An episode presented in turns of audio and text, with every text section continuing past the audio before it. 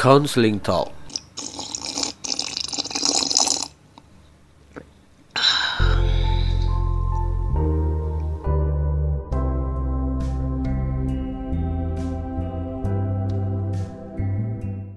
Bismillahirrahmanirrahim. Assalamualaikum warahmatullahi wabarakatuh. Alhamdulillah Rabbil Alamin. Salatu wassalamu ala asrafil anbiya wal mursalin. Wa ala alihi wa sahbihi rasulillahi ajma'in. Ashadu an la ilaha illallah Wa ashadu anna muhammadan abduhu wa rasuluh. Rabbi syarah li sadri wa yasir li amri Walau udatan milisani yafkau qawli. Puji dan syukur mari kita panjatkan kepada Allah Subhanahu wa taala atas segala yang telah dilimpahkan kepada kita, terutama nikmat iman dan iman Islam. Selain itu, juga nikmat ilmu yang sangat perlu kita syukuri dari apa yang diberikan oleh Allah kepada kita. Karena memang tanpa ilmu, manusia ini sama saja dengan hewan. Tanpa adanya kemampuan kita terhadap uh, pandangan ilmu pengetahuan, maka kita sama saja dengan hewan Mengapa seperti itu? Karena banyak ayat Al-Quran yang menyatakan keutamaan ke orang-orang berpikir.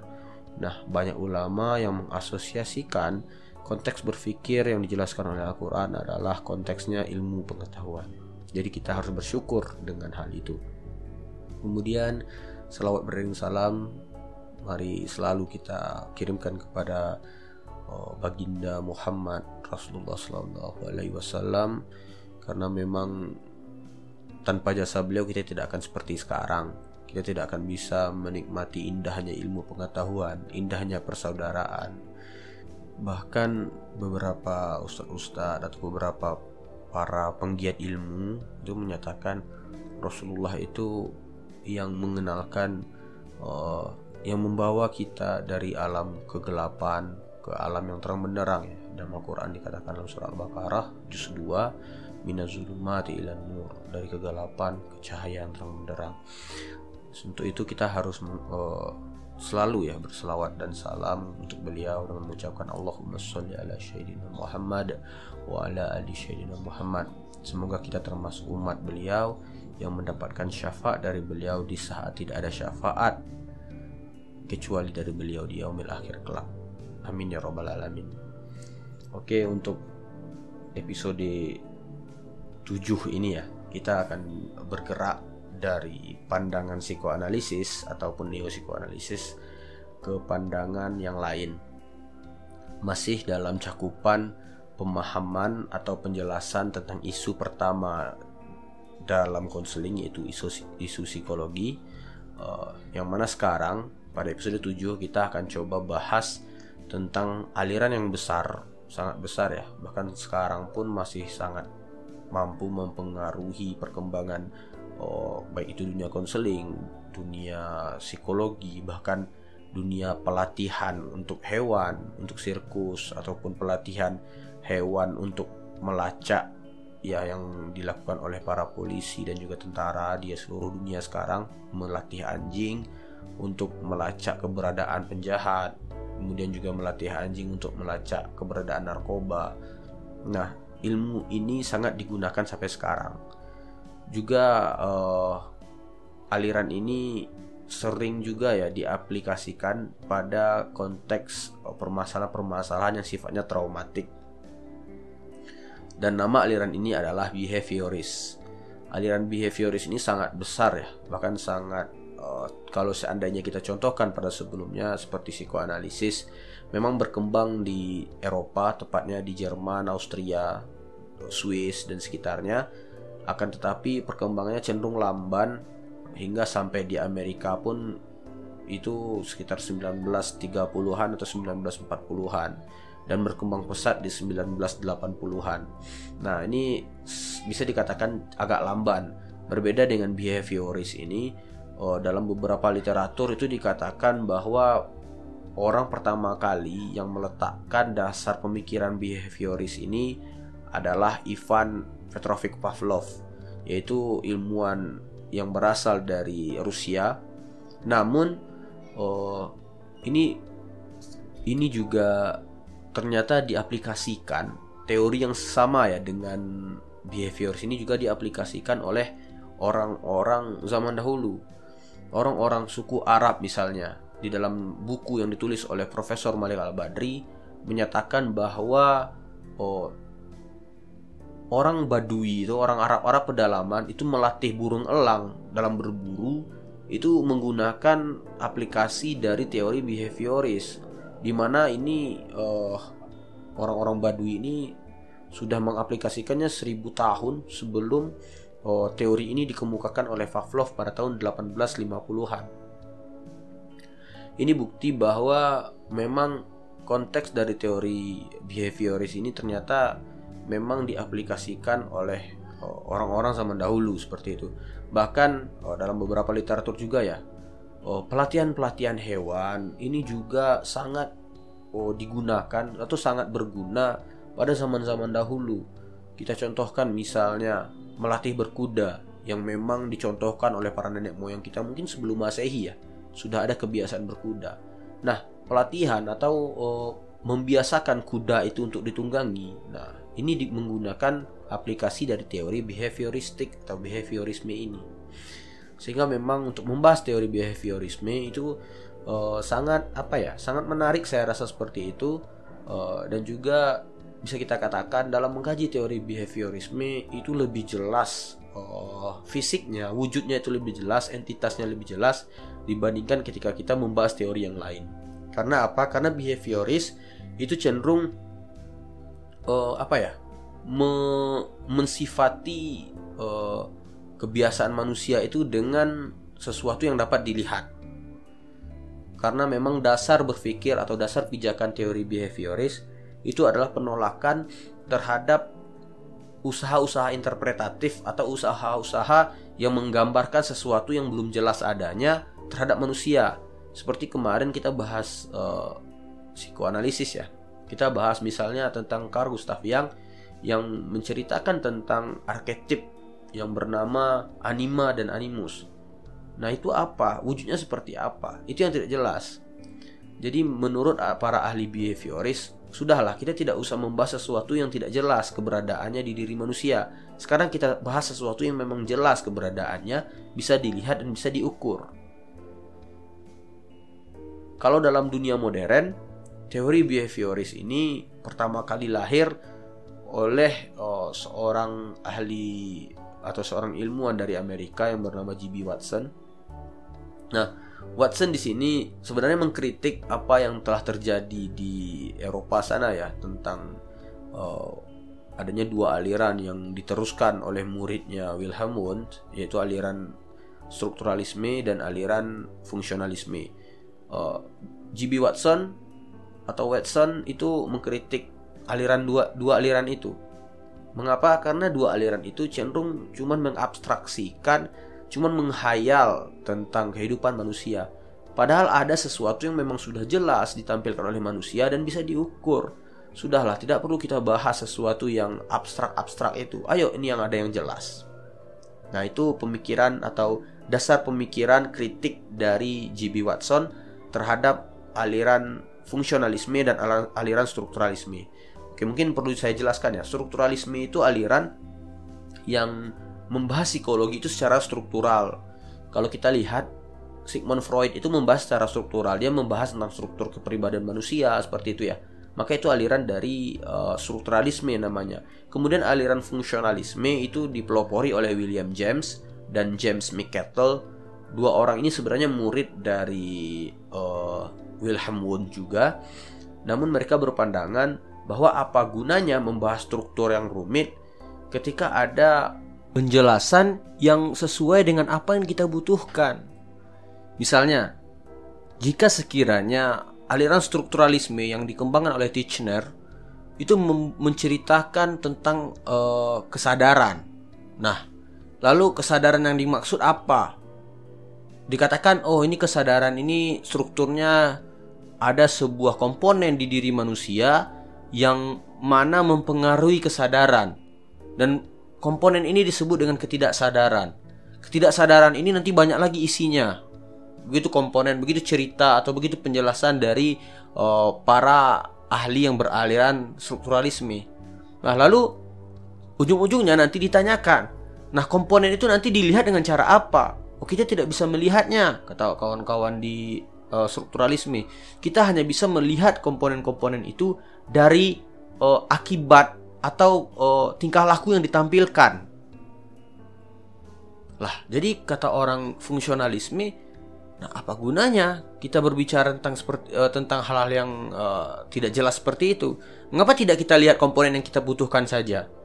Jika sekiranya dia mengalami cacat mental, Ya udah, cacat mental itu yang kita fokuskan. Oh, dia mengalami yang namanya traumatik. Dia mengalami ketakutan ketika gelap karena dia pernah mengalami kejadian trauma ketika gelap dia merasa kesakitan, dia merasa terluka olehnya. Lah ayo kita bahas apa sih yang menyebabkan dia itu takut, udah selesai. Nah, itu aliran yang disebut dengan fungsionalisme. Berbeda dengan orang-orang strukturalisme, ketika mengkaji yang namanya ketakutan terhadap gelap, maka orang-orang strukturalisme nanti akan mengkaji sesuatu itu sampai ke akar-akarnya, sampai kepada ketidaksadarannya, sampai kepada kesadarannya, apa penyebabnya seperti itu. Nah, orang-orang fungsionalisme, ayo kita obati saja ketakutan terhadap kegelapan, udah selesai masalahnya. Nah, itu nanti perbedaan dua aliran ini ya. Nah, sekarang muncul lagi aliran yang namanya behavior. Behavior ini baik aliran pertama, strukturalisme, kemudian aliran kedua, fungsionalisme itu sama-sama dikritik. Menurut behavior, bukan itu analisis dari psikologi. Analisis psikologi itu mestinya sesuatu yang nampak, bisa dilihat oleh mata dan bisa diukur perkembangannya. Kita contohkan, misalnya, oh tadi ya, trauma terhadap gelap. Nah, orang fungsionalisme berbicara tentang mengobati tentang trauma gelapnya. Kemudian orang strukturalisme berbicara tentang struktur kepribadiannya. Nah, orang-orang behavior itu tidak bercerita tentang itu. Ketika gelap datang, apa yang dilakukannya? Jenis panik yang seperti apa? Bentuk trauma seperti apa? Apakah dia melihat semacam oh, bayangan yang tidak lazim mungkin? Atau mungkin dia berteriak sekuat-kuatnya maka berteriak sekuat-kuatnya itulah yang akan dijadikan analisis tingkah laku. Maka yang berteriak sekuat-kuatnya itulah yang akan diperbaiki. Jadi kita tidak usah berbicara penyebabnya, kita tidak usah berbicara struktur kepribadian hingga dia menjadi uh, takut dengan kegelapan. Kita harus perbaiki tingkah laku yang ditunjukkannya. Jika dia berteriak secara histeris, maka kita kurangi histeria itu dengan cara mengurangi ketakutan. Nah, nanti akan kita bahas itu ya. Sebenarnya kajian dari behavior ini lebih cenderung rumit, eh bukan rumit ya. Sebenarnya lebih jelas dan simple. Nanti kita akan bahas. Ada beberapa aliran dari behavior ini. Oke, uh, terutama nanti ada aliran yang namanya aliran uh, operan conditioning, di mana dikemukakan atau dikembangkan oleh seorang ahli yang bernama Skinner. Ini nanti kita akan bahas itu karena memang uh, sebagai apa ya? Sebagai tonggak sejarah yang mencatat tentang lahirnya aliran behavior yang diterima oleh seluruh masyarakat itu memang dikemukakan oleh Skinner. Jadi nanti kita akan bahas secara fokusnya pada Skinner.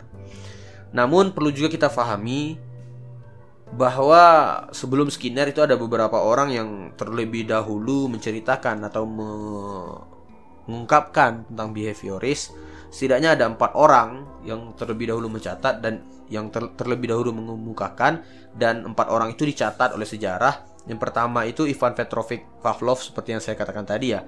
Oh, dia ini memang yang pertama kali. Kita kalau dengar Pavlov ini yang paling terkenal dari dirinya adalah uh, Pavlov Dogs atau anjing Pavlov di mana Pavlov ini melakukan percobaan terhadap anjing untuk mengukur perubahan tingkah laku melalui aliran behaviorisnya.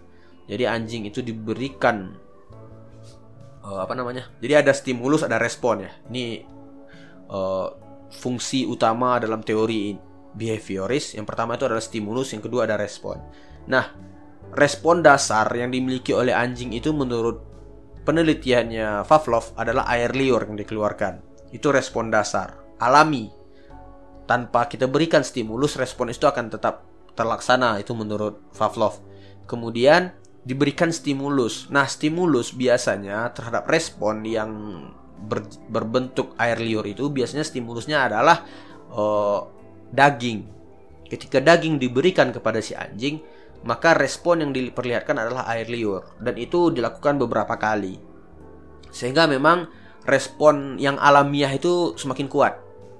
Dan ini tidak perlu apa ya, tidak perlu eksperimen labor sebenarnya memang uh, secara naluriah anjing itu ketika melihat daging yang bisa dimakannya menurut Pavlov akan mengeluarkan air liur. Nah, lalu Pavlov melakukan treatment, melakukan uh, semacam uh, percobaan selanjutnya yaitu dengan membunyikan bel. Jadi Pavlov men mencobakan ketika anjing itu disiapkan daging, bel dibunyikan. Daging disiapkan, bel dibunyikan, daging disiapkan, bel dibunyikan dan itu terus dilakukan sampai nanti oh, stimulus dasar atau daging tadi dihilangkan. Hanya dibunyikan bel ternyata si anjing itu juga mengeluarkan air liur. Nah, jadi analogi yang dilakukan oleh uh, percobaan yang dilakukan oleh Pavlov ini kemudian dianalogikan terhadap uh, tingkah laku manusia di mana manusia itu bisa dibiasakan dengan mengganti stimulus alami. Jadi stimulus alami sudah ada nanti diganti dengan stimulus lain dan digunakan dua-duanya baik itu antara stimulus alami dan stimulus uh, buatan itu dibiasakan dua-duanya nanti nanti ketika stimulus alami hilang maka stimulus yang dibuat itu atau yang stimulus buatan itu juga berefek terhadap respon yang sama. Nah, itu untuk oh, pemikiran dari Ivan Pavlov. Selanjutnya ada seorang ahli yang dari Amerika yang bernama G.B. Watson. G.B. Watson ini muridnya William James. Oh, jadi dia ini sebenarnya fungsionalisme. Namun lama kelamaan dia melihat adanya ketidakberfungsian ya. Namanya fungsionalisme namun tidak berfungsi secara baik secara, uh, dalam konteks psikologi ketika mengkaji fungsionalisme terhadap tingkah laku tingkah laku manusia. Sehingga G.B. Watson kemudian beralih ke aliran baru yang namanya behavioris. Bahkan banyak yang mengatakan bahwa G.B. Watson adalah orang yang pertama kali mendeklarasikan tentang behavioris dengan uh, perkuliahan umum yang diberikan pada tahun 1913 di Columbia University yang berjudul Psychology as a Behaviorist views it. Psikologi sebagai pandangan behavior. Nah, mata kuliah inilah yang menjadikan tonggak sejarah atau peletak dasar batu pertama sebagai pondasi terhadap psikologi behavioris. Nah, walaupun G.B. Watson dan uh, Ivan Petrovich Pavlov ini dua negara yang berbeda ya, satu Rusia, satu Amerika. Namun secara pemikiran mereka cenderung sama uh, bahkan secara apa ya secara tahun eksis pun mereka juga hampir sama sebenarnya. Nah, pemikiran dari Watson itu sebenarnya tidak uh, menjelaskan atau tidak tidak uh, menceritakan eksperimen-eksperimen yang terkait seperti yang dijelaskan oleh Pavlov tadi sehingga kecenderungan uh, para ahli menganggap apa yang dikemukakan oleh Watson itu hanya sebagai peletak dasar dari uh, apa yang dikenal dengan behavioristik yang modern seperti itu. Nah, kemudian uh, selain Watson juga ada Thorndike, uh, kemudian juga ada Vladimir Vekterev, seorang ahli juga dari Rusia. Nah, memang secara uh, apa ya, secara apa yang dikemukakan baik itu Watson, kemudian juga Vekterev, kemudian Thorndike itu memiliki kesamaan yang hampir dekat sehingga dalam adaptasi atau adopsi ilmu konseling itu tidak dipakai secara rinci keilmuan-keilmuan mereka atau pemikiran mereka. Hanya saja pemikiran dari Ivan Pavlov menjadi keterwakilan dari semua pemikiran para behavioris-behavioris radikal. Kemudian, setelah behavioris radikal, muncul lagi yang namanya neo-behavioris. Nah, mengapa uh, ada lagi nih hobi behavioris ini muncul karena adanya pemikiran dari seorang ahli yang bernama oh, seperti Tolchman ya kemudian juga ada yang paling terkenal itu B.F. Skinner oh, dan ilmu konseling paling banyak nanti menerjemahkan atau mengadaptasi keilmuan-keilmuan dari B.F. Skinner nah uh, Mungkin jadi pertanyaan ya, mengapa berbeda dengan apa yang kita jelaskan di psikoanalisis dan neopsikoanalisis yang mana kita pelajari semua atau mungkin banyak ranting keilmuan yang berasal dari psikoanalisis seperti itu ya. Karena memang kalau kita kaji secara psikoanalisis betul, itu memang apa yang disampaikan oleh Sigmund Freud itulah dia dasar-dasar dari psikoanalisis. Kemudian ada neo psikoanalisis yang membahas sekitar 5 atau ya 5 ya. Ada Erikson, kemudian ada Adler, kemudian ada Gustav Jung dan ada Eric Berne, maaf 4. Nah, mengapa psikoanalisis dijelaskan per ahlinya, mengapa behavioris tidak? Itu dari buku yang saya baca, bukunya Hansen itu yang membahas tentang keilmuan psikologi dalam konseling, uh, ditekankan bahwa uh, tindak tanduk behavioris itu kita ambil atau diambil beberapa poin saja. Karena jika behavioris itu digunakan secara utuh, maka menghilangkan sisi-sisi kemanusiaan yang dimiliki oleh manusia. Karena apa? Karena kecenderungan pemikiran behavioris yang positif itu menganggap manusia itu merupakan benda bisa diukur dan bisa diamati secara uh, secara general gitu bisa diumumkan kesimpulan kesimpulan-kesimpulan bisa dilakukan apa ya generalisasi yang umum terhadap kesimpulan-kesimpulan eksperimen. Nah, banyak ahli-ahli konseling menganggap ini tidak tepat. Makanya beberapa poin yang hanya diambil dalam konteks konseling uh, tentang teori behavioris ini nanti akan kita jelaskan satu persatu ya. Oke, uh, kemudian kita akan bergerak ke ahli yang sangat terkenal yang bernama B.F. Skinner. Uh, Skinner ini kalau kita baca betul ya tentang peri kehidupannya, sebenarnya Skinner ini dia juga sangat terpengaruh dengan karya Ivan Pavlov. Uh, kemudian juga terpengaruh dengan gayanya G.B. Watson. Namun Skinner memiliki pikiran lain. Menurut Skinner, ada beberapa hal yang mestinya dipisahkan atau ada beberapa hal yang mestinya dikhususkan untuk manusia. Oke, nanti kita lakukan riset terhadap hewan seperti anjingnya Pavlov dan juga hewan-hewan lainnya. Kalau di bangsa Arab itu burung elang. Oke, kita tidak apa, kita gunakan uh, percobaan terhadap hewan. Namun perlu kita pahami bahwa manusia memiliki kemampuan kognitif yang berbeda dengan hewan. Adanya kemampuan kognitif atau berpikir itu menjadikan uh, variabel baru dalam uh, simpulan-simpulannya Pavlov ataupun ahli lain bahwa adanya variabel berpikir sehingga manusia mesti eh, dijadikan aspek yang berbeda atau entitas yang berbeda dari eksperimen-eksperimennya terhadap hewan. Begitu yang dijelaskan oleh Skinner. Ada banyak sangat uh, percobaan yang dilakukan oleh Skinner, namun yang paling terkenal itu Skinner's Box. Di mana Skinner's Box ini percobaannya terhadap tikus ya percobaan terhadap tikus kemudian nanti uh, lahirnya atau uh, produk dari percobaan tikus ini munculnya pemikiran operan conditioning. Nah, nanti kita akan bahas uh, beberapa poin yang diambil untuk dunia konseling. Oke, uh, biasanya uh, seperti yang saya jelaskan di awal ya, ada empat kategori atau ada empat aspek yang kita adopsi dari dunia psikologi, dari keilmuan psikologi. Yang pertama itu struktur kepribadian, kemudian yang kedua itu perkembangan individu, kemudian yang ketiga itu uh, perubahan tingkah laku. Eh, maaf, pertama itu struktur kepribadian atau perkembangan individu, kemudian perubahan tingkah laku, kemudian tujuan konseling, kemudian yang keempat peran konselornya. Nah, untuk teori ini kita mungkin tidak akan membahas secara komplit atau secara uh, apa ya secara dalam tentang karakteristik individu atau perubah atau perkembangan uh, individu karena apa?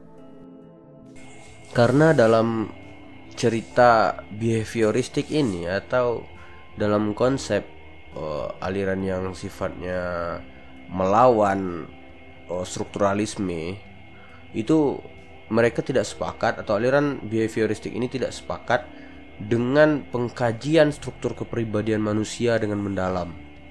Jadi ketika kita bahas sesuatu yang sifatnya penyebab manusia itu bertingkah laku itu rasanya tidak penting bagi kaum-kaum atau bagi orang-orang yang menganut faham behavioris.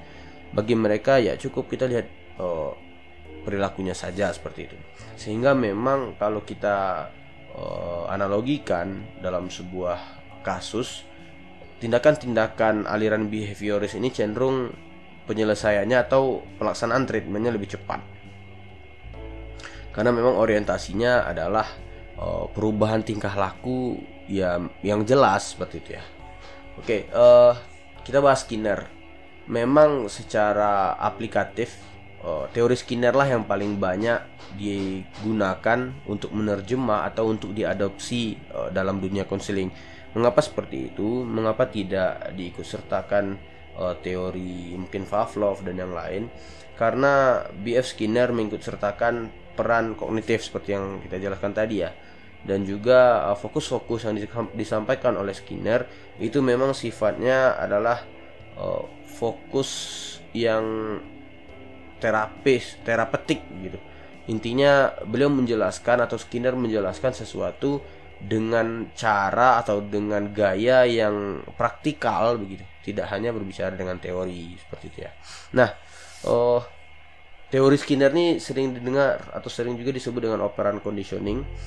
Oh, bisa juga dikatakan dengan pengembangan dari conditioning klasik atau behavioris uh, radikal seperti itu.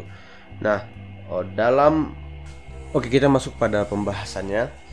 Yang pertama kali yang perlu kita pahami dalam membahas teori behavioristik itu adanya konsep RS atau response and stimulus atau juga sering disebut dengan SR, stimulus dan respon. Nah, intinya apa? Ketika stimulus ada, maka suatu objek akan merespon. Ini sebenarnya kalau kita kaji betul secara runtutan ilmiahnya atau keilmuannya ini disumberkan dari uh, teori yang dijelaskan oleh Aristoteles tentang aksi sama dengan reaksi. Berapa yang diberikan terhadap aksi, maka itu pula yang didapatkan dari reaksi. Nah, sebenarnya dasar pemikirannya dari uh, pikiran filsafat yang seperti itu ya. Sehingga ini kemudian diterjemahkan menjadi stimulus dan respon. Respon merupakan sesuatu yang bersumber dari stimulus. Tanpa stimulus, respon tidak akan ada seperti itu ya. Itu yang pertama. Kemudian adanya istilah reinforcement. Reinforcement ini uh, itu adalah upaya atau proses ketika uh, keinginan ketika adanya keinginan untuk menghasilkan respon yang sama berulang kali terhadap satu stimulus.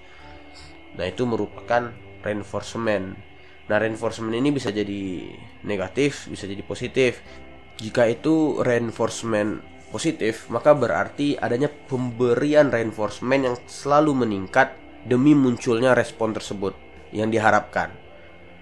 Dan reinforcement negatif itu adalah pengurangan reinforcement demi melihat respon yang diharapkan, demi mendapatkan respon yang diharapkan. Nah, uh, contoh yang paling sering kita dengar berkenaan dengan reinforcement ini seperti uh, apa ya? Kalau reinforcement positif itu pemberian pujian. Misalnya seorang anak atau seorang siswa dapat menyelesaikan soal 10 dari 13 soal yang awalnya dia hanya mampu 5 misalnya seperti itu. Nah, Pemberian reinforcement positifnya berupa pujian itu diharapkan mampu meningkatkan meningkatkan penyelesaian soal yang 5 kemudian 10 dan diharapkan nanti bisa jadi 13. Nah, itu makna atau tujuan dari reinforcement positif. Sedangkan reinforcement negatif ini berarti kita ingin memunculkan respon yang baik atau respon yang tepat terhadap oh, siswa atau terhadap oh, ter yang diterapi itu dengan mengurangi reinforcementnya. Nah, contohnya, misalkan uh, siswa yang selalu telat itu diberikan hukuman membawa satu pot bunga beserta tanah-tanahnya uh, ke sekolah untuk kelas. Nah, ada satu orang siswa yang terus telat hingga 10 kali dia telat. Jadi dia kan membawa 10 pot yang berisi bunga beserta tanahnya. Nah, pot atau bunga di sini ini berarti reinforcementnya. Nah, ketika reinforcement itu negatif, jika sekiranya si siswa itu itu mampu tidak telat, yang awalnya 10, dia mampu mempertahankan 10 itu, dia kemudian ke depannya tidak telat, selalu datang tepat waktu, maka guru tadi memberikan reinforcement negatif berupa mengurangi atau pengurangan pot yang di, harus dibawanya. Yang awalnya 10, kemudian setelah rajin si siswa, maka diberikan bawa 8, kemudian bawa 5, kemudian bawa 3 dan akhirnya tidak usah bawa gitu.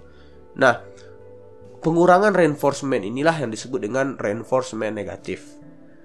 Jadi kita sering dengar ya kalau wujud dari reinforcement negatif itu seperti hukuman.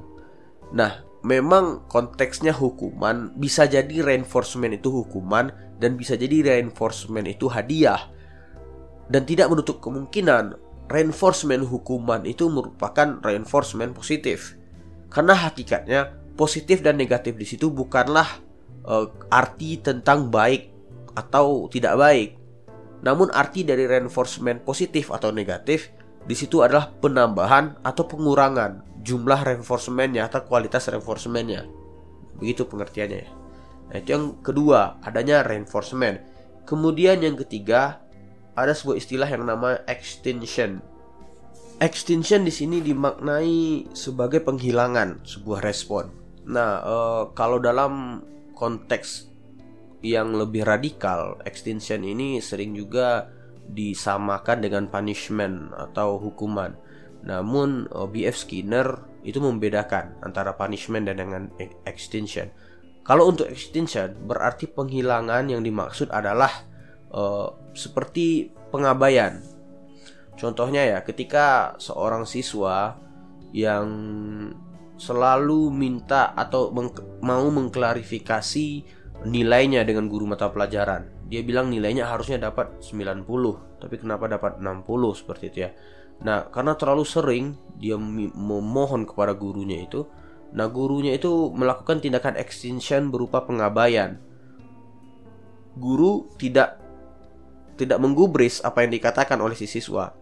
Sehingga ujung-ujungnya nanti si siswa akan memikirkan ya udahlah saya juga tidak ada artinya mengupayakan sesuatu yang bapak itu tidak setuju gitu ya mungkin memang saya yang salah. Nah, kondisi-kondisi seperti ini dimaksud uh, juga disebut dengan extinction atau contoh yang paling sering kita dengar di dalam eh, penjelasan-penjelasan di kelas itu ketika anak-anak menangis mau membeli mainan, ingin dibelikan mainan. Nah, sering orang tua memilih untuk mendiamkan atau mengacuh mengabaikan ya, mengabaikan si anak sehingga nanti anak itu diam sendiri dan tidak mau membeli mainan jadinya. Keinginan untuk membeli mainan akhirnya hilang atau atau terekstensikan. Kemudian uh, prinsip atau bukan prinsip. Kemudian istilah keempat ada punishment. Nah, punishment ini hukuman. Hukuman di sini dimaksudkan untuk uh, menghilangkan perilaku negatif tersebut. Kalau uh, apa tadi? Uh, reinforcement baik itu positif maupun negatif itu tujuannya adalah meningkatkan perilaku yang baik yang positif atau memunculkan perilaku yang positif. Sedangkan punishment dan extinction itu menghilangkan atau mengurangi perilaku yang negatif atau yang tidak tepat. Ya itu bedanya. Kemudian uh, istilah yang ke yang selanjutnya itu juga ada schedule of reinforcement. Nah, untuk schedule of reinforcement ini sebenarnya semacam uh, tahapan atau langkah-langkah yang harus dijalani atau dilalui oleh terapis terhadap klien atau konselinya uh, demi menghasilkan tingkah laku yang tepat. Nah, uh, dalam konseling sebenarnya kita mengaplikasikan, mengaplikasikan teori ini. Kita mengaplikasikan uh, schedule of reinforcement. Jadi nanti akan kita bahas secara rinci. Oke. Okay. Selanjutnya kita akan bahas tadi sudah ya tentang dasar pemikiran dari behavioris. Kemudian kita akan beranjak dari dasar pemikiran ke uh, perilaku maladaptif atau tingkah laku tidak sesuai. Nah, uh, dalam behavioristik ini, ini merupakan sebuah kekurangan ya dalam kajian behavioristik. Ketika behavioristik menolak untuk mengkaji struktur kepribadian dari manusia, maka muaranya aliran behavioristik juga susah mendefinisikan tingkah laku yang tidak tepat menurut oh, dirinya sendiri, menurut teorinya sendiri. Sehingga oh, banyak ahli terap ahli behavior itu meletakkan dasar tentang oh, tingkah laku yang salah sesuai atau tingkah laku yang salah itu pada nilai atau norma budaya di sekitar. Jadi tidak berdiri atas uh, norma tidak lahir dari pemikiran mereka sendiri seperti itu ya. Sehingga banyak juga yang men, me, apa ya menyandarkan teori behavioris ini dengan teori sosio, dengan teori sosial, dengan teori antropologi seperti itu. Bahkan juga ada beberapa ahli uh, behavior seperti Albert Bandura itu juga disebut dengan ahli sosial. Sehingga juga alirannya di, di, diberi nama sosio behavioris. Nah, berkenaan dengan kesalahan dalam konsep tingkah laku atau tingkah laku yang tidak tepat tadi, uh, konteks atau apa ya cakupan dalam teori behavioris atau behavioristik ini biasanya melihat atau uh, didasarkan pada ketepatan atau kebiasaan masyarakat sekitar. Kalau sekiranya, ini saya contohkan ya. Kalau sekiranya uh, budaya salaman, misalnya ya, budaya salaman antar uh, antar lawan jenis itu dibiasakan di masyarakat yang dalam tanda kutip menganggap hal itu menjadi sebuah hal yang tabu, maka perilaku salaman itu jadi tingkah laku yang salah bagi uh, bagi behavior. Jika sekiranya tingkah laku mencuci tangan setelah makan itu merupakan kegiatan yang baik, segera ya, segera mencuci tangan setelah makan itu merupakan kegiatan yang tepat di beberapa wilayah atau di beberapa daerah. Akan tetapi di beberapa daerah di Melayu termasuk di oh, Sumatera Barat, Riau, Jambi ketika kita mencuci tangan oh, sebelum orang tua kita cuci tangan, maka itu ada tindakan yang tidak sopan atau tidak tepat. Jadi yang tepatnya adalah ketika orang tua yang lebih tua daripada kita di meja makan itu sudah dahulu mencuci tangan. Setelah orang tua itu mencuci tangan baru kita boleh cuci tangan setelah makan. Jadi ada beberapa konteks kesalahan atau pandangan tentang kesalahan tingkah laku itu didasarkan pada budaya sekitar. Jadi untuk mendefinisikan tingkah laku salah suai maka sangat luas dan sangat apa ya multi definitif atau banyak persepsi, banyak arti, banyak definisi tentang penjelasan tingkah laku salah suainya. Selain itu juga banyak ahli behavioris mengembangkan oh, pemahaman atau definisi dari tingkah laku salah suai selain didasarkan pada nilai sosiokultural juga bisa dinilai pada apa yang dirasakan oleh individu. Ya contohkan ya, misalnya uh, trauma misalnya seperti itu. Nah, kondisi-kondisi trauma itu jika sekiranya mengganggu bagi si individu, misalnya dia trauma gelap, takut akan kegelapan. Jika sekiranya itu menjadi komponen yang mengganggu atau tidak apa ya, tidak tepat bagi individu tersebut, maka itu dianggap maladaptif, maka itu dianggap tingkah laku yang salah.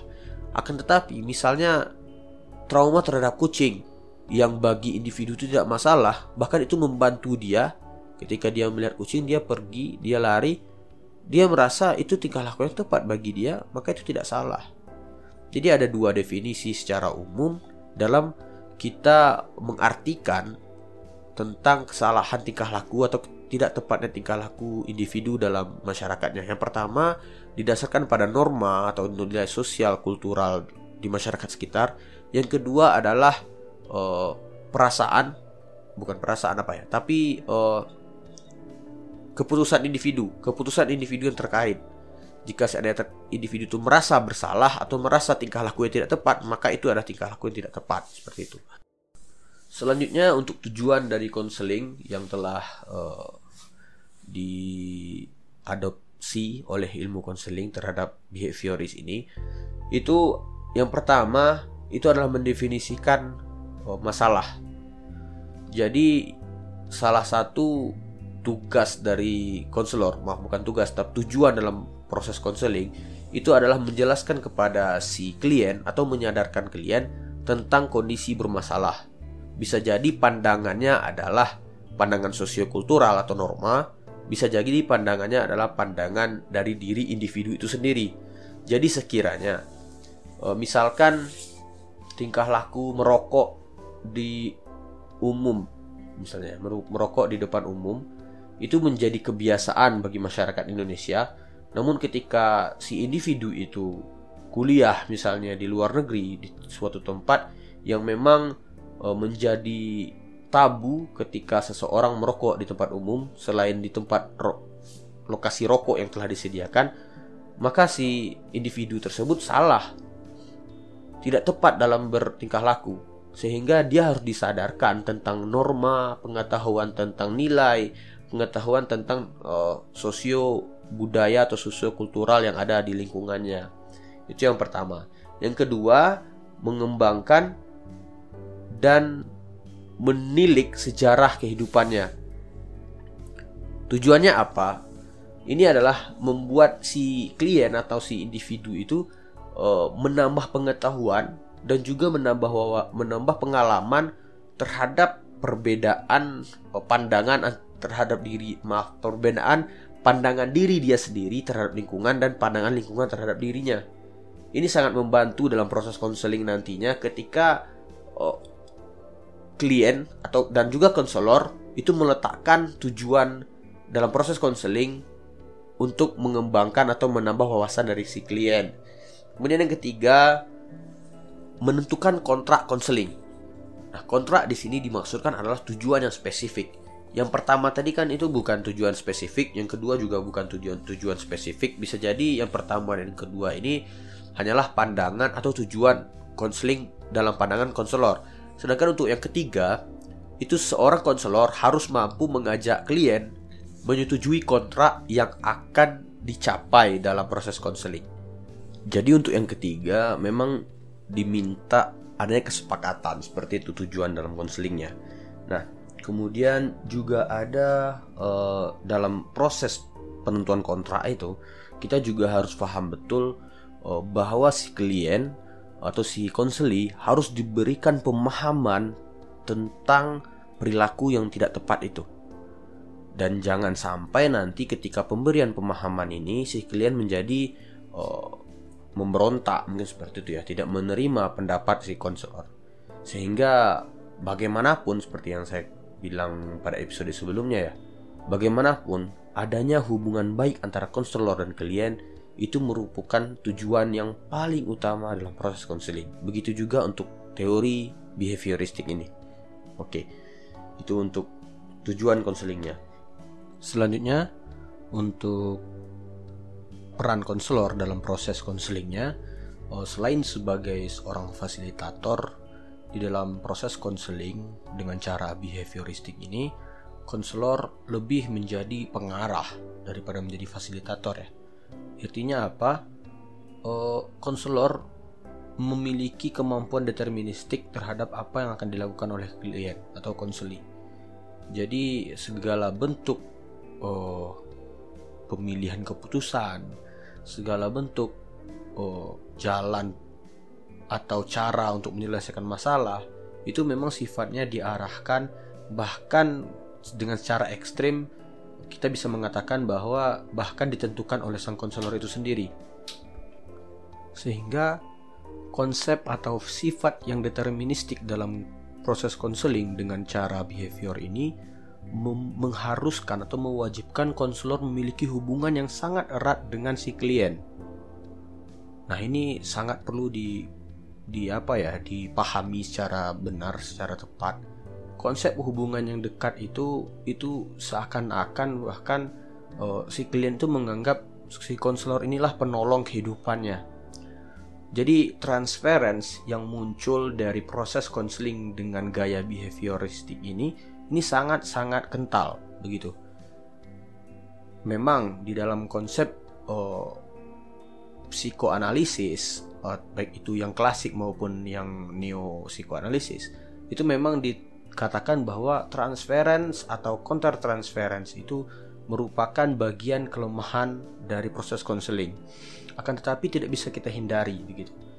Nah mengapa ada transference dan counter transference karena sifat deterministik yang dimunculkan oleh konselor terhadap klien. Jika sekiranya konsep atau sifat deterministik proses konseling atau Oh, deterministik ini begini ya, ketika konselor itu mewajibkan atau mengharuskan atau mengarahkan dengan paksa mungkin dalam artian semua kegiatan atau semua perubahan tingkah laku klien itu merupakan haknya konselor dalam menentukannya. Si klien hanya mengiyakan saja. Yang sifatnya deterministik. Nah, nanti ada beberapa uh, aliran psikologi yang tidak deterministik di mana segala bentuk keputusan diberikan kepada klien. Nah, ini salah satu kekurangan ya dalam proses konseling ini. Namun, kita tidak bisa memungkiri tanpa adanya hubungan baik kita tidak bisa mengharapkan uh, proses konseling itu berjalan dengan lancar. Sehingga memang hubungan baik yang tercipta itu harus sangat perlu ditanamkan terlebih dahulu. Nah, selain itu, selain hubungan baik, kita juga harus pahami bahwa konselor dalam proses behavioristik itu harus uh, perannya ya, itu harus memiliki uh, pemahaman administrasi yang baik Mengapa seperti itu? Karena konselor itu harus mampu mencatat perubahan-perubahan tingkah laku yang muncul dari si klien.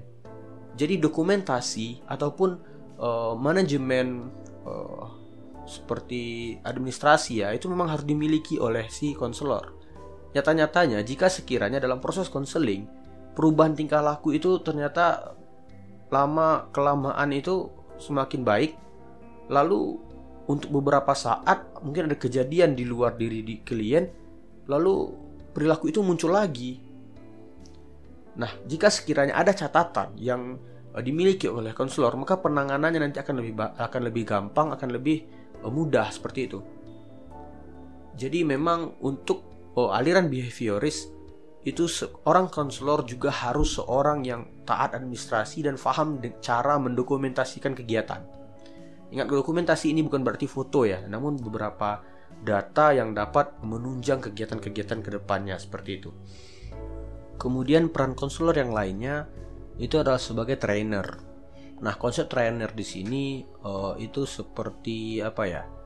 Uh, melatihkan tingkah laku tingkah laku yang baik dan juga dalam proses pelatihan ini juga dituntut konselor memiliki kemampuan pemberian reinforcement, baik itu positif maupun negatif, kemudian juga extinction ataupun nanti jika diperlukan punishment. Nah, dalam prosesnya itu ada beberapa hal yang dianggap sebagai training yang paling dasar dalam konsep behavioris. Yang pertama itu ada assertive training. Makna dari assertive training ini adalah uh, penghilangan anxiety. Dasarnya adalah menghilangkan rasa kecemasan. Nah, proses uh, assertive training ini biasanya itu dengan melatih klien atau konseli mengungkapkan sesuatu atau melepaskan sesuatu yang menjadi beban baginya. Nah, untuk kawan-kawan yang rasanya mau tertarik dengan konsep asertif ini, ini silahkan cari ya banyak sangat banyak uh, metode-metode pelatihan baik itu di YouTube tentang training asertif. Di mana kita nanti uh, bisa uh, apa ya bisa melatihkan untuk klien kita dengan wawasan-wawasan tentang teknik asertif. Kemudian yang kedua ada sexual training.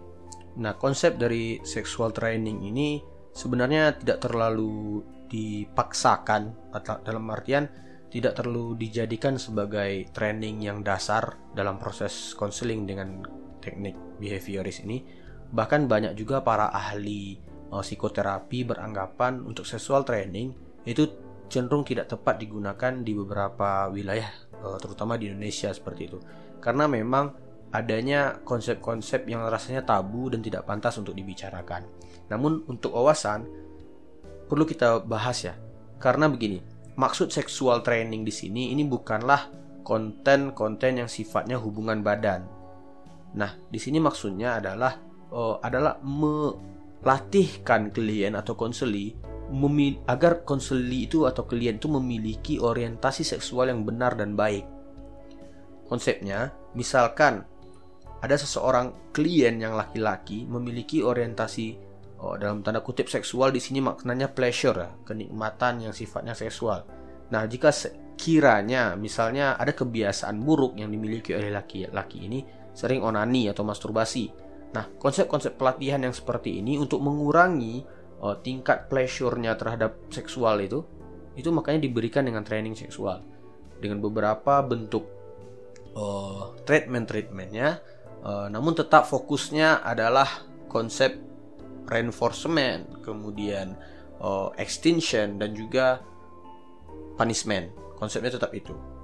Dan yang ketiga ada relaksasi. Nah, untuk pelatihan relaksasi kita sering ya dengarkan, kita sering lihat mungkin ada juga beberapa kawan-kawan pendengar yang pernah merasakan bahwa kita diberikan kesempatan dengan stimulus-stimulus rileks. Mungkin nanti diperdengarkan musik-musik yang santai atau mungkin nanti diberikan eh, cerita-cerita uh, yang membuat kita itu tenang.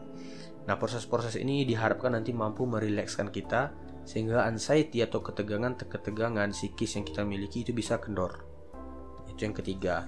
Kemudian yang keempat yang lebih dalam lagi dari relaksasi yaitu desensitisasi. Nah, ini biasanya dicobakan terhadap kasus-kasus traumatik. Uh, eh, bukan traumatik ya, kasus-kasus fobia. Misalnya fobia kucing.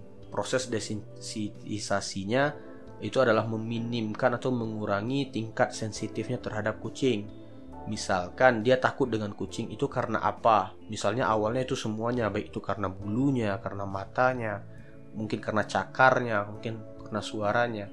Nanti disensitisasikan oh, yang pertama-tama itu diberikan hanya suaranya saja. Dengan kebiasaan-kebiasaan mendengarkan suara saja diharapkan nanti ada pengurangan sensitivitas yang dimiliki oleh klien dalam mendengarkan atau dalam mengenal kucing. Nah, nanti beranjak ke bulu atau kulitnya, dan beranjak ke cakarnya, beranjak ke matanya, lalu akhirnya nanti akan diberikan kucing yang utuh. Nah, itu bentuk terapi atau bentuk uh, apa namanya proses atau peran konselor di dalamnya. Nah, itu beberapa hal tadi yang empat tadi itu sebenarnya aplikasi atau sistem yang digunakan terhadap konseling oh, behavioris yang klasik yang radikal itu ya, yang Pavlovian dan kawan-kawannya, juga juga GB Watson. Namun kita di sini mengikut sertakan yang namanya uh, teori dari B.F. Skinner. Nah, dalam pandangan B.F. Skinner, selain yang empat tadi juga ada tambahannya berupa shaping. Nah, shaping ini artinya membentuk. Konsepnya dalam teori ini adalah seorang konselor itu harus mampu membentuk tingkah laku baru yang ditampilkan oleh klien melalui reinforcement-reinforcement yang diberikan. Nah, kalau sekiranya reinforcement itu uh, positif ataupun reinforcement itu negatif, diharapkan dari proses pemberian reinforcement uh, selain meningkatkan atau me mengubah tingkah laku yang tidak baik itu menjadi baik, juga diharapkan uh, klien membentuk tingkah laku baru sehingga memperkuat tingkah laku yang sebelumnya.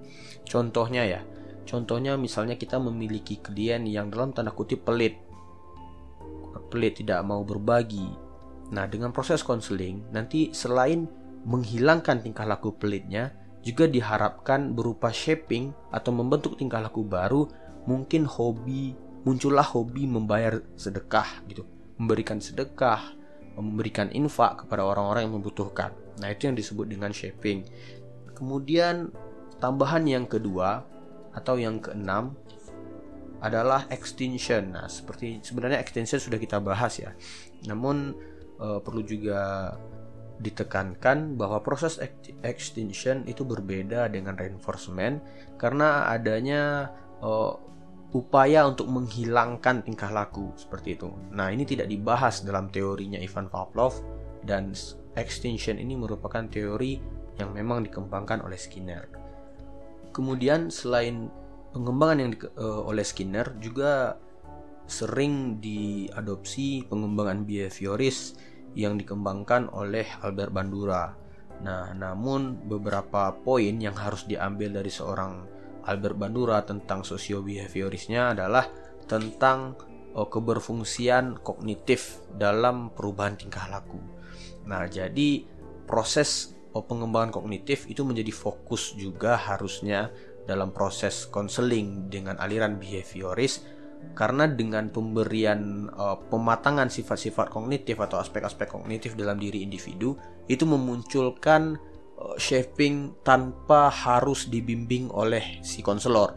Artinya apa? Dengan pemberian uh, pengembangan kognitif itu maka muncullah kemandirian dari diri klien itu sendiri. Konsep yang paling sering kita dengar dari seorang Albert Bandura itu adalah kepemilikan self-determination bagi klien. Jadi tidak serta-merta semua hal atau semua yang dilakukan terhadap diri klien itu konsep atau sumber determinasinya dari konselor, namun Bandura meletakkan fungsi kognitif pada diri klien sehingga klien itu juga mampu untuk melakukan self determinasi. Dia memiliki hak untuk menentukan tingkah laku yang mana nanti akan diubah seperti itu. Nah, konsep Bandura ini sekarang uh, sangat apa ya?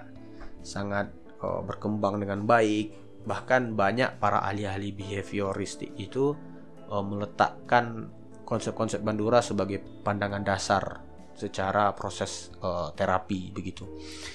Oke, itu sudah empat ya sudah empat kita bahas. Bermula tadi dari ceritanya atau dari konsep reinforcement kemudian extinction dan juga uh, punishmentnya yang dikembangkan oleh para ahli behaviorist dan itu dianggap sebagai konsep dasar kepribadian manusia. Kemudian yang kedua kita bahas tadi perubahan tingkah maaf tentang perubahan tingkah laku ya tentang perubahan tingkah laku. Uh, kemudian juga kita bahas tentang tujuan proses konseling dan juga tadi kita juga membahas baru saja membahas tentang peran konselor di mana konselor yang pertama itu sebagai uh, determinat determinasi yang memiliki determinasi atas diri konselor sehingga si konselor itu harus memiliki yang namanya kemampuan bahasa baik dan juga uh, kemampuan membina hubungan yang baik. Kemudian yang kedua, konselor harus mampu memil atau memiliki kemampuan administrasi dokumentasi yang baik dan juga ada peran konselor berupa teknik-teknik atau training-training. Oh, juga ada peran konselor berupa pembangunan kognitif sebagai sarana kemandirian bagi si klien. Oke, berarti selesai ya kita membahas tentang behaviorist. Nah, jadi memang uh, dalam beberapa buku tentang pendekatan konseling, behavioristik itu hanya dibahas satu kali. Satu kali maknanya oh, tidak seperti psikoanalisis yang berdasarkan pada ahli, namun untuk behavioris itu hanya berdasarkan pada teorinya. Mungkin nanti akan kita kembangkan dalam isu-isu kontemporer, namun dalam isu klasik ini kita hanya mengambil itisarinya saja. Dan cukup sampai di sini pembahasan kita. Namun perlu juga ya, kita sekarang ada rubrik baru oh, tentang konselor berbicara. Oh, di sini kita mengumpulkan pembahasan-pembahasan atau cerita-cerita menarik dalam proses konseling dari guru BK atau konselor-konselor yang ada di Indonesia. Oh, baru satu episode kita harap nanti akan berkembang juga ya bagi kawan-kawan yang memiliki cerita menarik tentang penanganan oh, siswa atau penanganan klien di masyarakat umum. Kita sharing, silahkan di DM saya ataupun di kontak secara pribadi. Nanti kita akan coba uh, meng mengaplikasikan atau nanti kita masukkan ke dalam podcast sehingga nanti kawan-kawan pendengar dapat mengambil refleksi, mengambil ilmu di situ. Mungkin nanti kawan-kawan pendengar uh, ada keponakannya mungkin atau anaknya yang memiliki masalah sama dan mungkin dengan penanganan yang sama akan membantu penyelesaian masalahnya. Oke, uh, minggu depan kita akan membahas teori dari Carl Ransom Roger yaitu teori humanistik atau sering juga disebut dengan counseling self. Uh, episode depan maksud saya, bukan berarti minggu depan. Dan juga uh, untuk diketahui juga ya proses uh, podcast kita ini mungkin panjang dan mungkin akan berlanjut sampai kapan pun. Intinya dengan podcast ini kita berharap adanya pros upaya pemasyarakatan BK sehingga masyarakat yang umum tahu bahwa ini loh profesionalitas BK guru BK itu tidak sembarangan belajar. Mereka memiliki cara belajar mereka sendiri dibandingkan guru-guru yang lain. Kondisi atau permasalahan-permasalahan psikis itu bukanlah permasalahan yang simple seperti permasalahan yang ada pada mata pelajaran. Karena ini kondisinya bukan hanya di sekolah ya di rumah juga sangat mempengaruhi si anak atau si siswa. Jadi ada dengan adanya upaya pemasyarakatan diharapkan semua orang memiliki pandangan yang positif terhadap guru BK dan tidak menganggap guru BK itu uh, sebelah mata seperti itu. Oke, saya tutup untuk rekaman kali ini dengan mengucapkan doa kafaratul majelis subhanakallahumma wa bihamdika asyhadu an la ilaha anta astaghfiruka wa atubu ilaih. Semoga bermanfaat. Terima kasih. Jikapun ada kesalahan, mari kita diskusikan melalui DM mungkin ataupun juga dengan melalui Imapkin pengurus wilayah pertama pengurus wilayah satu yaitu pengurus wilayah Sumatera. Oke terima kasih. Saya tutup wabillahi taufiq hidayah. Assalamualaikum warahmatullahi wabarakatuh. wabarakatuh